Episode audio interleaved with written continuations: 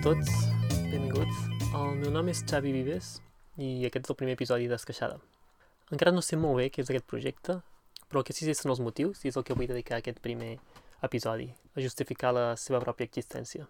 Crec que la temàtica principal que vull tractar és la descentralització, i específicament la descentralització a Catalunya. I quan parlo de centralització em refereixo a descentralització de poder, de sistemes de govern, a monedes descentralitzades, identitat descentralitzada o basades en sistemes descentralitzats, la web descentralitzada i, en general, eh, informació descentralitzada. La millor justificació de per què la descentralització és important és en els últims events. El problema no és que un estat, Espanya o qualsevol altre, censuri centenars de pàgines webs, bloquegi el finançament a certes institucions o denegui la llibertat d'expressió a un poble sencer. El problema és que tinc la capacitat per fer això, en primer lloc. I potser no és obvi per tothom, però això no té per què ser així. En aquests últims anys han aparegut noves tecnologies que permeten redissenyar aquests sistemes socioeconòmics. Ho fan a través de criptografia, a través de software i amb un conjunt d'incentius econòmics i el resultat és que ara podem crear plataformes molt més difícils de censurar, més difícils de corrompre i molt més transparents. Segurament la tecnologia més important a mencionar és Bitcoin. Bitcoin és una moneda descentralitzada, una criptomoneda. Només existeix en format digital i no la controla cap entitat, cap govern, cap banc central. Bitcoin és moltes coses i permet un munt d'oportunitats, però no vull dedicar aquest primer episodi a això. Segurament dedicaré molts més episodis en el futur a explicar com funciona, per què és important, com s'utilitza.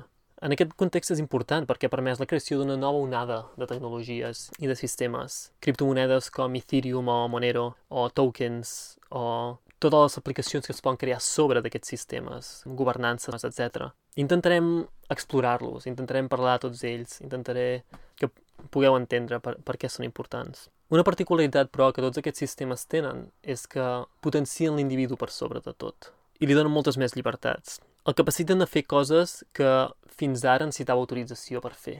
A la vegada, però, també li assigna molta més responsabilitat. Ara és responsabilitat de l'individu mantenir aquesta informació segura, mantenir aquests diners segurs. De lo contrari, si no sabem el que fem, si, si no som digitalment higiènics, és molt fàcil tenir grans pèrdues econòmiques o perdre accessos, perdre identitats fins i tot. Totes aquestes tecnologies permeten una llibertat extrema a l'individu. Això vol dir que permeten la creació de coses com mercats negres o permeten el finançament a grups terroristes o l'evasió d'impostos. Això són problemes que deriven de la llibertat. I, vulguem o no, aquest tipus de tecnologies són per quedar-se.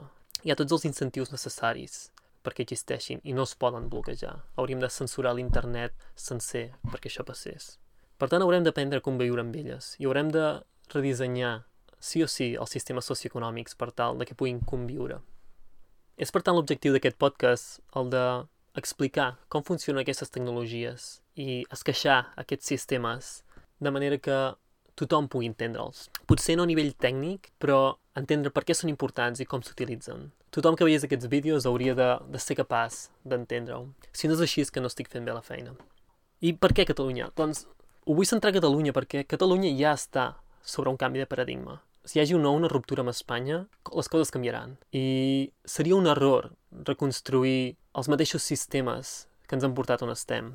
A la vegada hi ha quantitat de gent que està ja treballant aquí a Catalunya, que està fent projectes fantàstics, programadors i, i entitats. I m'agradaria donar un espai a que tinguessin veu. M'agradaria entrevistar-los, m'agradaria saber qui hi ha darrere. Així que si esteu treballant amb aquests projectes o coneixeu gent que està treballant amb aquestes coses, si teniu meetups, etc., si us plau, feu-m'ho arribar. És un dels objectius d'aquest podcast, centralitzar qui estigui descentralitzant. Aquest projecte ja fa almenys un parell d'anys que em dóna voltes pel cap, però no ha estat fins a, als recent events i la censura del govern espanyol m'he decidit tirar a la piscina. No hi ha res fet i s'han de construir moltes coses. M'agradaria, segurament els, els pròxims passos seran els de crear una pàgina web on concentrar events, concentrar projectes, etc. És un projecte totalment obert, és a dir que si et fa il·lusió participar, si vols entendre o saps com funcionen aquestes tecnologies, m'encantaria rebre col·laboracions, idees, etc.